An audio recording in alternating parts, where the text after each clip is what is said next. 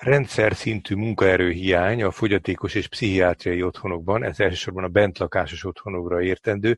Erről szól a TASZ egy állásfoglalása. Környei Kristóffal, a TASZ egy egyenlőségi munkatársával beszélgettünk erről. Jó napot kívánok, Péter Ferenc vagyok. Jó napot kívánok! Mit jelent néhány szóban, ha összefoglalná a hallgatóink kedvéért? Tavaly nyáron fordultunk az állami intézményeknek a fenntartójához, és azt kérdeztük meg a, a, az állami fenntartótól, hogy mennyi a szakmai dolgozók száma az, a fogyatékos és a pszichiátriai betegeknek az intézményeiben, mert a jogsegélyen befutó megkereséseink alapján egyre több olyan jelzést kaptunk, hogy, hogy sok intézményben akut és súlyos probléma a munkaerőhiány. Tavaly nyáron kaptunk egy választ, amiből az derült ki, 149 intézményről kaptunk adatot, hogy 93 intézmény nem tudja biztosítani a szükséges szakmai dolgozókat, és mindössze csak 56 intézmény volt az, ahol a, a jogszabály által előírt létszámminimum, az, az, az biztosítva van. Tehát ez azt jelenti, hogy 62%-a az intézményeknek a kötelező létszámnorma alatt működött. Ez, ez gondolom azért különösen problémás, mert ezek olyan bentlakásos intézmények, ahol hétköznapinál hangsúlyosabb ellátásra szorulnak az érintettek, tehát itt különlegesen a személyi segítésnek talán különlegesen nagy szerepe lehet.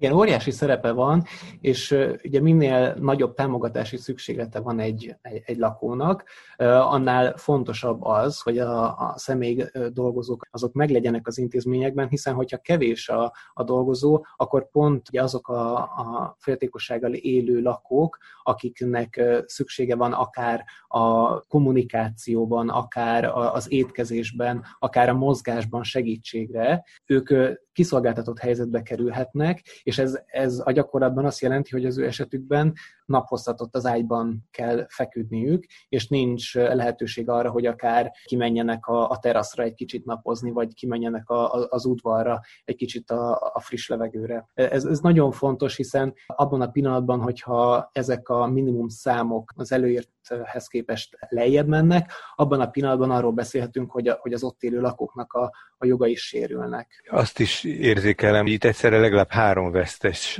érintett van. Egyrészt maguk a fogyatékos személyek, másrészt az ő családtagjaik, és hát akikről szól a jelentés, a, a, azok a munkatársak, akik, hogyha mégis valahogy el akarják látni ezt a feladatot, gondolom, akkor ez fokozott erőfeszítéssel oldható csak meg.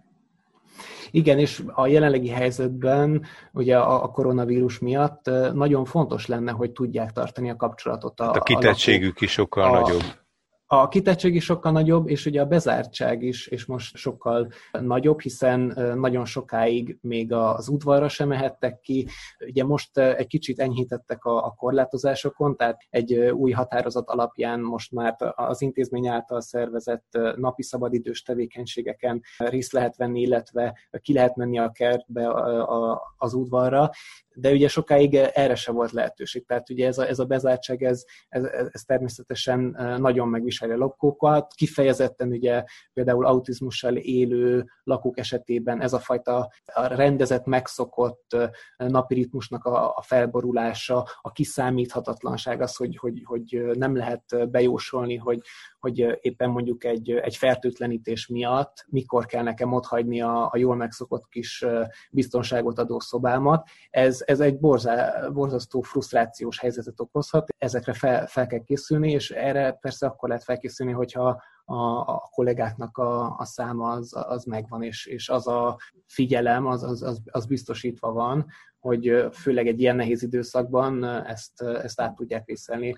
Az azt, összes lakó át tudja vészelni. Azt jól tudom, ugye, hogy, a, hogy ennek, ezeknek az intézményeknek az ellátása, főleg a személyi ellátás, a gondoskod, gondoskodás, az az államnak a feladata. Tehát nem az önkormányzatoké, nem valamilyen más szervezeté, még ha esetleg azok adott esetben be is szállnak ebbe.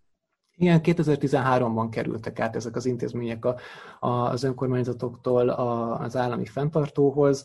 A szociális intézmények e, esetében is e, van egy nagy állami fenntartó, amit úgy hívnak, hogy Szociális és Gyermekvédelmi Főigazgatóság, és ez, egy, e, ez az állami szerv felelős azért, hogy a bentlakásos szociális intézmények, tehát ez, ez a fenntartónak a feladata, hogy, hogy biztosítsa a, a minimum feltételeket. Ez adat egy, adatigénylés nyilván ad egy ilyen topográfiai térképet is. Milyen a megoszlása ezeknek országosan? Inkább a nagyvárosokban és Budapesten vannak, vagy, vagy szétszórva az országban? Van erre valami általánosan összefoglalható jellemző? Igen, összesítettük a kapott szakmai létszámokat, tehát ugye közel 150 intézmény adataiból dolgoztunk, és azt láttuk, hogy, hogy Budapesten a, a legrosszabb az arány, ott 39%-os a, a munkaerő hiány. Tehát, hogyha ebbe belegondolunk, akkor az azt jelenti, hogy minden harmadik ember hiányzik.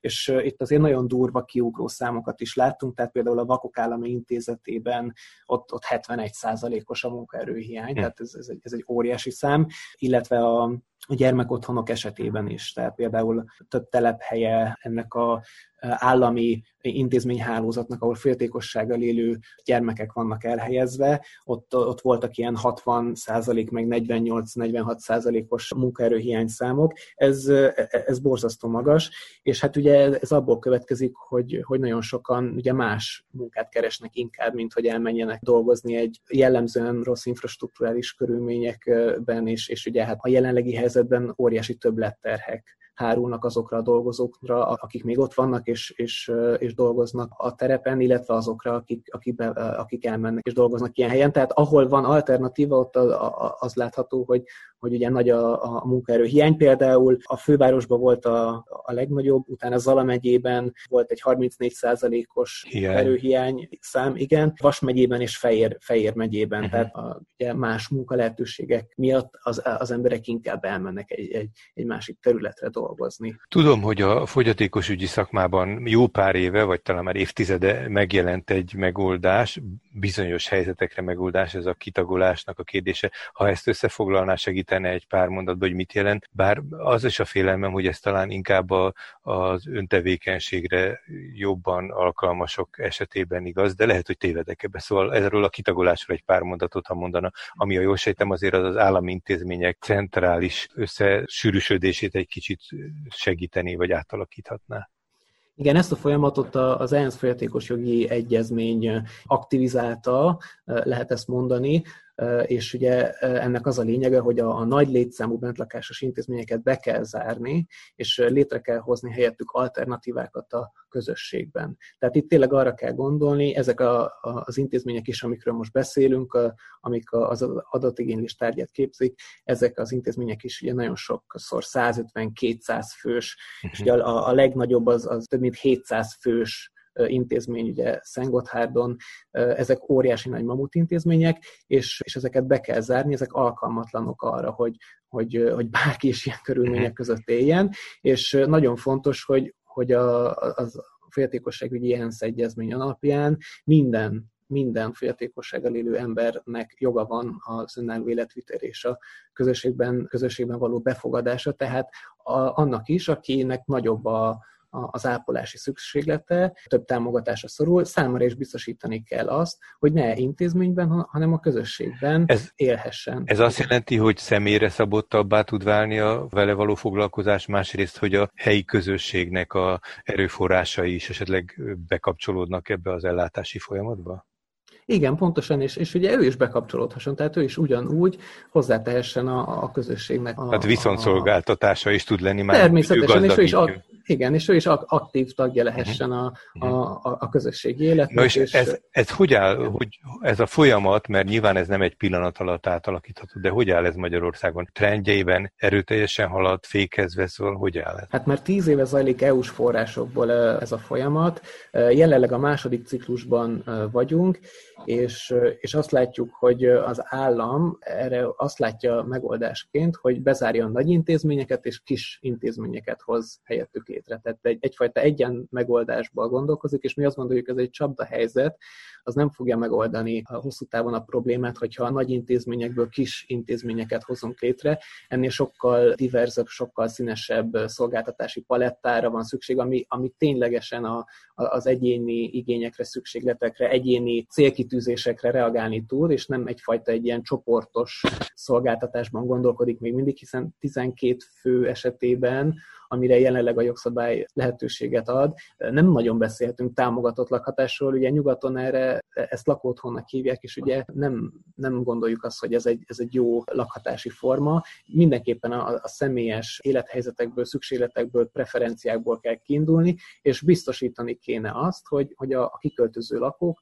ők, ők akár egyedül, akár hogyha párkapcsolatban élnek, akkor ketten tudjanak beköltözni nagyobb településekre, megyeszékhereket. Azt látjuk a, a jelenleg zajló 30 nagy intézménynek a, a pályázati tervéből. Jellemzően ezek a 12 fős, milyen családi házakként kell elképzelni, családi házak épülnek, nagyon kis településeknek a szélére. Tehát, hogy ez, ez, a, ez, a, ez a fajta társadalmi kirekesztés, és ugye a, ugye a szolgáltatáshoz, ugye az élethez való hozzáférés azért nagyon megkérdőjelőzik ebben az esetben. A helyi érintettek bevonása, már mint a helyi civilek, a helyi lakosság, akár nyilván valamilyen támogatással való bevolása, vagy ennek a hiánya az azt a gyanút is keltheti az emberben, hogy ezekkel az erőforrásokkal kapcsolatban bizalmatlan az állam. Hát ez nem egy jó hír önmagáról. Igen, és ugye ahogy említettem, hogy borzasztóan központosított és uh-huh. centralizált ezeknek az intézményeknek a fenntartója, és, és ugye a kitagolás tapasztalatai azt mutatják, hogy, hogy ezt egy ilyen túlcentralizált szerv nem képes megoldani, hiszen az, az alapfilozófiája az egy sokkal inkább decentralizált egyéni szükségletekre reagáló szolgáltatási struktúrának a létrehozása lenne, és egyszerűen beletörik az államnak a bicskája. Most megjelent egy, egy újabb pályázati felhívás, 52 milliárd forint keretösszegben lehet pályázni majd újra intézményeknek, hogy, hogy, hogy részt vegyenek a, a, a kitagolásban, és mi azt kértük az államtól, hogy módosítsa a felhívást, és mégpedig azért úgy módosítsa, hogy jobban bevonja a helyi szereplőket, és nem mindent ő próbáljon központosítva megoldani, hanem sokkal inkább a, a, a településeknek az erőforrásaira építve, és már ott létező civil szervezetekkel, a helyi önkormányzatokkal konzorciumban közösen együtt a helyi adottságokhoz illeszkedve hozzák létre ezeket a, ezeket a szolgáltatásokat, és ne ilyen egyen megoldásokba gondolkozzanak, hanem sokkal, sokkal inkább diverzebb és, és szabadabb megoldásokra van szükség nem tudja valahogy elfogadni az állam, úgy tűnik azt, hogy a szomszéd közelebb van, mint az állam. Tehát, hogy ez egy sokkal praktikusabb és humánisabb megoldás is lehetne. A maguk jelentése vagy összefoglalása kapcsán lette valami reflexió. Mondta, hogy most épp egy pályázat van kiírás közben, de mégis volt-e valami közvetlen válasz az önök jelentése kapcsán? Nem kaptunk még visszajelzést. Ez a, egy friss anyag? A, most az adatigénylésre gondol? A, hát illetve amikor önök e- ez ügyben egy ilyen szinte jaj kiáltással, szóval egy, egy felhívással fordultak a nyilván. Igen, tehát az adatigénylésre vonatkozóan nem, nem kaptunk visszajelzést, illetve az észrevételeink a, ki, a pályázati kiírásra ott csak kaptunk még visszajelzéseket. Én úgy tudom, hogy, hogy ugye most a, a pályázati kiírásnak az átdolgozása zajlik, és hát nagyon bízunk benne, hogy, hogy, hogy ezek az észrevételek amúgy több civil szervezet is tett észrevételt, ezeket megfontolja majd a minisztérium, és, és beleépíti a, a, a, a kiírásba ez nagyon fontos, mert ez, ez, ez a kiírás, ez, ez, ez meg fogja határozni azt, hogy, hogy milyen, milyen irányba és milyen igen szolgáltatások fognak létrejönni, és ugye azért ezek a szolgáltatások, ezek meg fogják határozni aztán hosszú távon, évtizedekre azt, hogy hogy fog kinézni a, a szociális ellátórendszer, és jó lenne nem bebetonozni egy, egy rossz struktúrát. Köszönöm szépen Környei Kristóf alatt, az esélyegyenlőségi munkatársával beszélgettünk.